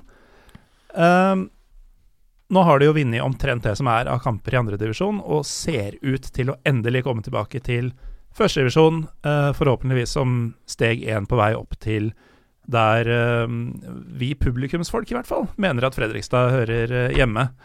Um, fucker de opp dette, eller går det bra nå? Nei, det vil være mer overraskende enn hvis Bodø-Glimt roter vekk, egentlig. Eh, de har altså vunnet 13 av 13 tellende kamper. De vant til alle treningskampene òg, så de har faktisk vunnet Og da spilte de et par av dem mot god motstand òg. Vinner hver eneste fotballkamp de har spilt i 2020? Ja, det er ganske vanvittig. Eh, de har Michael Nieves har vel starta to eller tre kamper, hvis jeg tar det på husken, og har er vel omtrent poengkonge i uh, andredivisjon likevel. eh, liksom kommer inn og spiller 25 minutter av mål og assist og sånn. Så de har jo en benk som hadde gått inn på samtlige andre annendivisjonslag og ganske mange førstedivisjonslag. Eh, Nieves hadde starta for en god del av de lagene i bunnen av Obos-ligaen, f.eks. Nikolai Solberg. Har ganske imponerende tall å vise til fra Obos-ligaen, men starter ikke så ofte der, osv. Eh, men det er klart, det er jo Det er jo der Fredrikstad skal være på det nivået her.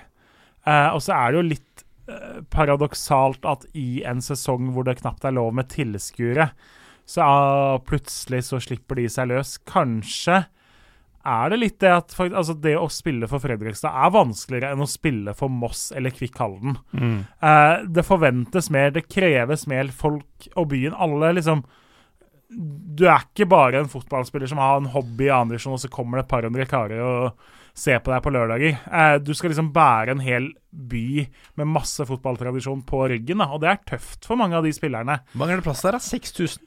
Uh, nei, mye vel. De hadde jo nesten 10 000 mot Moss uh, her, vet du. Uh, ja. Så det oppleves jo ikke som en andredivisjonsklubb? Det er jo ikke en andredivisjonsklubb på noe annet nivå enn på det sportslige de siste årene. og så har, sant, så har, det endelig truffet Men de har jo Altså, De har jo en spillerstall som er overlegent alt annet i den. Og når du ser, sant, Nå henter de Ayob Alesami som var da en suveren stopper for eh, Skeid, og som, regnet, som mange eliteserieklubber har snakka om å hente. Så havner han da i andredivisjon og spiller for dem. De henta Henrik Kjelsrud Hansen, eh, som jo Man kan si mye om hans eliteserieprestasjoner. Men at han hadde gått inn på så godt som samtlige Obos-lag og vært en solid spiss på det nivået, er det lite tvil om. Eh, og så videre og så videre. De har beholdt Håvard Jensen, som er en keeper som er altfor god for andredivisjon. Eh, Ricky Alba er inne, målkongen fra Lørenskog. Ja da. Eh, men så har de liksom også slitt med å få alle de brikkene til å passe sammen. Og de har ikke klart å skape et kollektiv før i år, da. Eh, og så treffer litt med Bjørn Bommen Johansen har fått med seg Joakim Klæbo som assistent, som er en Uh, fyr alle skryter av, eh, som sannsynligvis har bidratt til å styrke det sportslige apparatet der. De har en mye tydeligere spillestil. De har mange måter å angripe på, kontra i fjor, hvor det var tidvis ganske lett å stoppe dem om man visste hvordan de skulle angripe. og det var, ikke sant, Hvis du klarte å stoppe kantene, så kom det ikke noe innlegg til Kjelsrud og sånn. Eh, nå har de mye flere angrepsbevegelser i arsenalet sitt, som gjør at OK, motstanderen prøver å stenge oss ned der, da gjør vi heller det her. Og så kan vi variere med en tredje ting i tillegg. Så Fredrikstad ser ut som et lag Altså, Fredrikstad anno 2020 hadde klart seg veldig godt i Obos-ligaen 2020. Mm. Eh, de hadde vært oppe og nikka rett bak de fire som nå skal avgjøre om direkte opprykk. Og det ser vi jo i år er en um, holdt på å si overkommelig distanse å gå, da. Fordi de nyopprykka i årets førstedivisjon har jo lekt uh, og er vel delvis fortsatt med i uh, kvalikkampen, i hvert fall. Mm. Um, så spranget mellom andre og første er jo ikke så stort, ser det ut som. Og Fredrikstad høres jo ut, sånn som du skisserer, som en klubb med uh, ganske kraftige økonomiske ressurser i forhold til mange av disse lagene. Ja. Når Fredrikstad nå rykker opp, litt avhengig av hvilke lag på en måte som rykker ned fra Eliteserien og hvilke som rykker opp fra Obos, men Fredrikstad kommer til, når det skal settes vinnerodds på Obos-ligaen, så kommer Fredrikstad til å ha vært ranka et sted mellom to og seks eh, i Obos-ligaen neste år, Det tipper er jeg. såpass. Ja, eh, klart.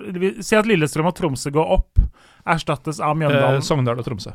Men ja. Si at. Lillestrøm og Tromsø går opp, og eh, Mjøndalen og Ålesund er de to lagene som går ned. Start holder seg eh, Så kommer du ikke til å få veldig mye bedre betalt for et Fredrikstad-opprykk enn du nødvendigvis får for eh, Mjøndalen eller eh, Sogndal neste sesong. Mm. Så sånn typ, typ litt sånn som Sandnes Ulf er nå, at de forventes å utfordre, men kanskje mangler litt stabilitet. Jeg tror sånn som Fredrikstad er nå, at de Jeg blir mer skuffa hvis de ikke er topp seks i Obos, enn jeg blir overraska hvis de er topp seks eh, neste sesong. Mm.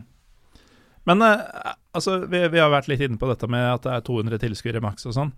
Eh, Fredrikstad er jo et sted hvor du opplever masse trøkk, masse press fra omgivelsene. Og det, det er jo for så vidt ikke en større by enn at en FFK-spiller går rundt og blir gjenkjent av folk i gata og sånn, men er det Kan det ha vært en litt sånn herre At de får det til akkurat i år, hvor du ikke får det derre kaoset på tribunen, holdt jeg på å si. Har det hjulpet? Ja, det har, jeg tror det. Eh, det har vært litt sånn en stadion nå hvor du får mishagsytringer hvis du ikke leverer bra. Eh, å spille på en måte mot eh, på sida til den ene tribunen der har ikke nødvendigvis vært så gøy som hjemmespillet. fordi har du to-tre dårlige valg på kort tid der, så får du høre det litt òg, da. Eh, og som sagt, det, det kreves mer. Nå føles det ut som litt mer seriøse treningskamper. Men det føles ut som å spille treningskamper nå, og det, jeg tror det har vært en del av eh, hele pakka. Det kan jo ha en, en positiv effekt på, på ikke bare FFK, men på mange lag. Og på, når vi ser på alle unggutta som blir sluppet til nå også, at det er enklere å slippe til når det ikke er 10 000 mennesker som, som sitter, på, eller sitter og, og forventer ting av deg. Og når du først får slippe til, så er det kanskje lettere å senke skuldra litt og, Ja. og prøve. Spille det på det du er god på, da. Mm. Eh, det, er, det er litt gøy å leke med dette mm, tilskuere, altså til og fra, eh, er det en fordel. Fordi for FFK så er, virker det som vi er ganske enige om at det sannsynligvis har vært eh, bra sportslig. At det ikke har vært så mye sure østfoldinger på tribunen. Eh, men jeg har jo tenkt litt sånn Har Bodø-Glimt Altså kunne Bodø-Glimt fått den sesongen de har nå, dersom det var fulle tribuner når de dro til Bergen, når de dro til Trondheim, når de dro til uh, Oslo osv.? Uh, for det er jo altså presset som bortelag også. Nå har jo aldri Aspmyra vært noen trykkoker, men jeg ser for meg at når Bodø-Glimt reiser og møter 10 000 bergensere f.eks., som eh, roper om fiskeslo og hva nå man driver med, eh, at det kanskje kan prege dem. Mens nå er det litt sånn derre alle stadioner er like. Altså Det er veldig mye som fotballspiller, da. Altså hvordan det ser ut på tribunen der midtbanen ligger, og det, det er så ut, hvordan garderoben ser ut sånn, så det blir jo aldri likt. Uh, underlaget er forskjellig og sånn, men akkurat det fortrinnet da, som de større klubbene har hatt tidligere, har jo blitt nulla ut, er det fristende å si om Eliteserien, mens det da har vært en fordel for holdt på å si eliteserielaget i andredivisjon, nemlig Fredrikstad. Ja, og, og Glimt er jo et lag som har eh, Det er vel kanskje de som har de lengste bortekampene av alle. Altså Mm. Alle kampene er lang reising. eh, og, og, og bortekamp med lang reising gjør også at kamp, kampforberedelsene blir litt annerledes enn når du er hjemme. De blir sikkert litt dårligere enn når du er hjemme, og det er med på liksom å senke, senke prestasjonen litt. Um, og, og hvis du da Det kombinert med da at du har en, en, en hjemme Altså en gjeng hjemmesupportere. Uh, altså Du har en vegg i, i Rosenborg-fansen, f.eks.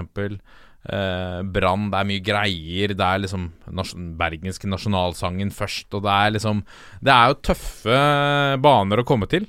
Mm. Eh, og, og jeg tror du er inne på noe med at, at fraværet av supportere er også med på å liksom ufarliggjøre hele den biten litt. Eh, og det gjør at man kanskje kan tillate seg Eller det at man er litt svakere på bortebane, syns ikke like godt, fordi du har ikke den tilleggseffekten av Mm. fryktinngytende hjemmefans. Da.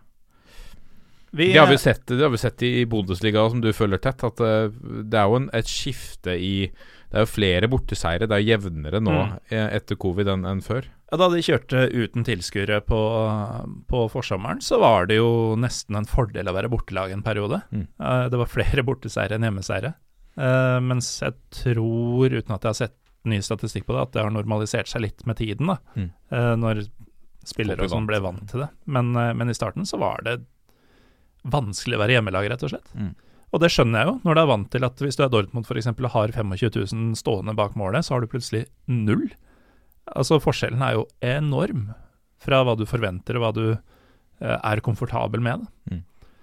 Men eh, nok om det, og egentlig nok om det meste, for vi er eh, gjennom det vi hadde tenkt å prate om. Men eh, dere får jo ikke så mange, altså bortsett fra at dere har en ukentlig podkast om akkurat dette her, eh, nemlig toppfotball, så får dere ikke så mange plattformer å, snakke om det som har enten begeistra eller eh, skuffa dere um, denne sesongen. Så um, er det, no, er det noe spesielt dere har lagt merke til eller ønsker å trekke fram fra årets sesong? Jeg tror, altså Dommerne har jo vært mye fokus um, i egentlig i mange ligaer, og mer eller mindre liksom ikke akkurat hjulpet av VAR, da. eh, s- som har lagt en sånn uh, hva skal vi si, mørk hånd over det hele. Um, så er det hens-regelen som heller ikke har hjulpet til. Og jeg tror det er Jeg, jeg snakket med Rohit Saggi um, tidligere for, for et par måneder siden. Jeg skulle faktisk leie en hytte på Hvaler, og hadde booka den på Airbnb. Og så ringer det opp en fyr som heter Rohit og sier at nei, jeg har dobbeltbooka. Det var Så hans. Jeg skulle booke hytta til Rohit Saggi, ja. Ja. det, det skal jeg det, det fikk jeg jo ikke mulighet til å oppleve den hytta. Men da fikk jeg tatt en prat med han og hørte hvordan det sto til, og, og hvordan det var covid påvirka dommerstanden og sånn. Så sa han at eh, for å være helt ærlig, eh, dette har masse å si for kampformen. I mars så var jeg i toppform, eh, sånn fysisk. eh, I kampform. Jeg hadde dømt mye matcher. Jeg var virkelig klar. Nå er vi rustne. Vi er slitne, og det påvirker prestasjonene. Hmm. Du er nødt til å være til stede hele tida. Eh, og de er eh, eh, og, det er med på liksom det er helt klart, vi har jo Jeg syns jo vi klager på dommerne hvert år, men, men kanskje i år har vært litt ekstra. eh, Mm. Og så kommer den hands-greia i tillegg. Så blir det en sånn kjempenegativ spiral også. Um, så Så jeg tror man liksom skal eh, Ikke det at det kommer til å legge noen demper kanskje på frustrasjonen fremover, men la oss huske på at de også har De har hatt en svært eh, eh, eh, Hva skal vi si eh, ufordelaktig oppladning til denne sesongen. Så dommerjævel er eh, mennesker, eh, de òg. Dommerjævel kanskje kan ha et uh, nylig comeback i 2021. Og så kanskje vi kan legge det på hylla ut 2020, hvis vi klarer det. Jeg skal ikke love noe på mine egne vegne. Hva med deg, eh, Jørgen? Um, Jeg tenkte vi må jo avslutte med, for min del med så bredde du får det. Og det er klart, eh, det er jo litt gøy med eh, folk som på en måte gjør ting de ikke kan, holdt på å si. Fløya. norske dommere? Ja, norsk, ja, Fløya eh, rykka jo endelig opp for klubbens del fra tredjedivisjon til andredivisjon. Eh, t- eh, fant ut for det første at andrelaget skulle ikke få lov til å være med i tredjedivisjon, som de rykka opp til. Så det starta de med å trekke. Fant ut at trenerne som hadde tatt dem opp, og som spillergruppa likte og ville beholde, de skulle få sparken. Eh, skulle ansette en fyr spillerne ikke likte, så han sørga de for å få fjerna, og så starta et kaos uten like. Som jo endte med at en veldig sammensveisa spillegjeng én etter én trakk seg og trappa ned til sjette divisjon isteden. Med det resultatet at Fløya, som da skulle spille andredivisjon, sto uten spillere, uten trener veldig lenge. Endte med å hente masse unggutter fra Senja og Skjervøy og Tromsø 2 og litt sånn. Fikk på plass en trener, men har jo nå flydd rundt og eh, fått stor De har liksom ikke blitt totalslakta, men det har vært mye 0-6 og 1-5 og 0-4 og sånn gjennom hele sesongen. Tok ett poeng mot Senja, men pga. korona, da, altså ett poeng mot Senja, eh, som er det de har ett mer enn det som var forventa, det er altså nok til å beholde annenplassen. eh, det høres ut som Sleivdal-album nummer et eller annet, liksom. Ja, det, dette har vi hørt før, i, det var- i tegneserieform. ja, ja. Det var liksom noe med håper si, disketten til NFF som gjorde at uh, nedrykkssystemet ikke funka, så da ble Mm. Sleivdal igjen likevel, til tross for at Goliat uh, Siklesæter hadde bomma på enda en stor sjanse, og Christian Kongo uh, igjen sto ikke skjønte noe som helst. Ja. Så Martin Wahl var eh, og sjekka diabetesen. ja, Sleivdal var gøy, det. Det var det. De har faktisk vært gjester her. Uh, Ja, I de så det, ja. eh, en av de aller første, om det er episode seks eller noe sånt, av Pyro Pivo. Hvem, hva mener du hvem, hvem har vært gjester her? Eh, Martin Wahl. Det, det, Nei, eh, skaperne av Ja, Sleivdal. eh, Embeland og Sveen. Eh, og det var det. ja, ja Sleiv, Sleivdal burde, De burde vi hatt òg, egentlig. Ja, Ja, det burde Det dere. er, det var, De er jo nesten aldri i Norge, men når de er, ah, ja. så er det Hvor er det de er, da? En i Brasil og en i Vietnam. Ah, ja. Ja. Der skal de bygge, og der skal de bo. Ja. Jeg trodde, trodde det var fra Rælingen eller et eller annet. Ja, de er, er liksom, de er fugler. ja, så jeg hadde liksom sett for meg at det var liksom for å få på plass dem, så var det en sponset en togbillett fra Lillestrøm til Oslo. Men det er klart, Vietnam og Brasil Jeg vet Ja, ikke, budsjettansvarlig Roppestad. det- Innimellom drar de til Oslo sammen eh, for uh, forskjellige grunner. Men uh, da må dere være på hugget. Ja. Som jeg var en høstkveld i 2016. Sterkt. Der er det store, Eh, Morten. Ja, det har dere vært i dag også, Martin Roppestad og Jørgen Kjernås. Takk for at dere var med. Tusen takk. Takk for praten. Og så skal jeg gjøre dette litt sånn pinlig for dere. Hvorfor skal folk høre på toppfotball? Åh. Eh, nei, mannen min, på min høyre side er jo en av eh, de åpenbare grunnene. Et breddefotballeksikon. uh, altså det, det, det Mannen med størst peiling på breddefotball i Norge. Uh, I tillegg til at vi har jo en, en, eh, en trener, fotballtrener som er faktisk fotballtrener. eh, I toppfotballen, og ikke bare har et stort navn. Han, eh, han er jo inne og deler. Og så er det høyt under taket. Vi har ikke noe tung redaksjon som eh, legger noe bånd på hva de kan melde. Så det går en breiside både hit og dit fra Mhm. både undertegnede og Lasse Wangstein med jevne mellomrom. Eh, og så er det Det er en eh, ja, Vi mener mye om, om mangt, og det er drevet av stort engasjement for norsk ball. ja. ja. Så vil jeg Altså, jeg vet at mange heldigvis setter pris på episodene hvor vi er samla, Mm. men så er det jo på en måte mange episoder der hvor vi har jo besøk av topptrenere, toppspillere, eh, mentale trenere, eh, dommere. Andre som er tilknytta fotballen og kan gi sitt perspektiv. Eh, som har roller som mange mener noe om, men som ikke nødvendigvis man vet så mye om. da. Uh, og så sånn som nå Når Tokmak er med dagen etter å ha spilt mot Molde i Champions League, så er jo det på en måte et perspektiv som er kult å høre på. uh, også for oss som prøver å mene noe om fotball, og som liker fotball. da. Så eh, får høre, altså Det er jo folk som fortsatt hører på gamle episoder fordi vi har hatt gjester òg som er interessante å høre på, og som er litt tidløse eh, også. Mm. Ja, så for min del så er det jo det at dere er den eh, podkasten i Norge som tar norsk fotball grundigst for seg. Altså vi har jo selvfølgelig disse Eurosport-podkastene også, men det handler om Eliteserien og til en viss grad enkelte førstevisjonslag, mens dere tar Altså, hva er det dere kaller den eh, prisen deres? Årets uh, Ja, Han bytter navn hvert år. Ja. Eh, nå er det årets Hudal, er det ikke det? Ja, nå er det vel egentlig årets Eskevik, men den har Ja, ikke det- kommet i gang. Eh, vi på en måte har, for Der har vi jo prøvd å finne en uh, spiller som scorer mye i de lavere divisjonene. Det starta Mm. jo som årets Vardi. Mm. Eh, for å finne en spiller som vi tenkte kunne på en måte følge hans eksempel og komme fra ingensteds og bli en toppspiller. Og gjerne vært i fengsel, men det var vanskelig. Ja, det var litt verre å finne. Men det er Tungt klart, kriterium. Ja, Da, eh, da blir det bare sånn uh, Hva er det han het, han uh, Han fæle fyren som Lillestrøm signa for et par år siden. Bayram Ayeti. Ja, ja. Da blir det sånne typer, bare. Og, og de når ofte ikke opp. Nei, nei. Nei, det er klart, han- som sier, Henrik Udal er jo på god vei. Han er jo, skårer jo massevis i Obos-ligaen. Han vant prisen i fjor. Nei, to Nei, år siden. Ja, så det er jo litt gøy. Og så har vi altså ja, Så har vi Det er mye, mye gøy når ballen kommer i gang på alle nivåer. Nei, ja. Bredden, Eh, bredden er jo Altså, bredde Jørgen Kjerna sin spalte Breddefotballnytt er jo, eh, er jo noe av det, det beste med det. Og Der Mhm. har vi vært innom det. Jeg tror det laveste nivået vi har vært, har vært eh, tredjedivisjon i bedrift. Ja, det kan godt stemme. Og har, altså, det er jo nydelig sånn som du kan dra frem hvor det er et lag fra Trondheim som har tapt tosifra hver eneste kamp. Og så har de årets lengste tur, som er to timer inn i skauen langt forbi Raufo- nei, Røros og liksom midt inne i ingenmannsland. Hvor ingen gidder å dra, sånn at på en måte 50 år gamle oppmann og 43-åringen som har på en måte spilt der for 20 år siden, drar med seg en gjeng med gamlinger, og så kommer de til en bane midt ute i ingenmannsland, hvor de da har noen av de flotteste VIP-setene fra Ullevål stadion, som de har kjøpt eh, der. Og så skal liksom det lokale sjettedivisjonslaget møte en gjeng med eh, 40 pluss-åringer som egentlig ikke har spilt fotball på mange år, eh, og hvor det ender da bare i katastrofesiffer og ja. Ja. Så hvis du har noe som ligner et hjerte for eh, norsk fotball, enten i eller utafor, høres det ut som, divisjonssystemet, så er toppfotball eh, noe for deg. Veldig Eh, gjerne. Veldig gjerne. takk igjen, eh, Martin Roppestad og Jørgen Kjernås, for at dere var med på Pyro Pivo denne gangen. Tusen takk for Takk for, takk for Hva sier man? Takk. For Takk, at, sier man. Takk for at jeg får komme. Hva man nå sier, så mislyktes du ganske bra der, Jørgen, men, Takk for det også. men jeg tilgir deg eh, for det.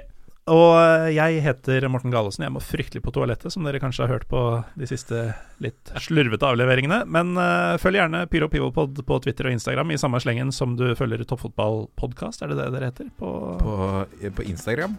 mm, Eh, ja, Toppfotballpodkast. og bare Toppfotball på Twitter. Twitter. All right. Og så hører dere på Toppfotball, og så blir livet mye, mye bedre framover. Ha det bra.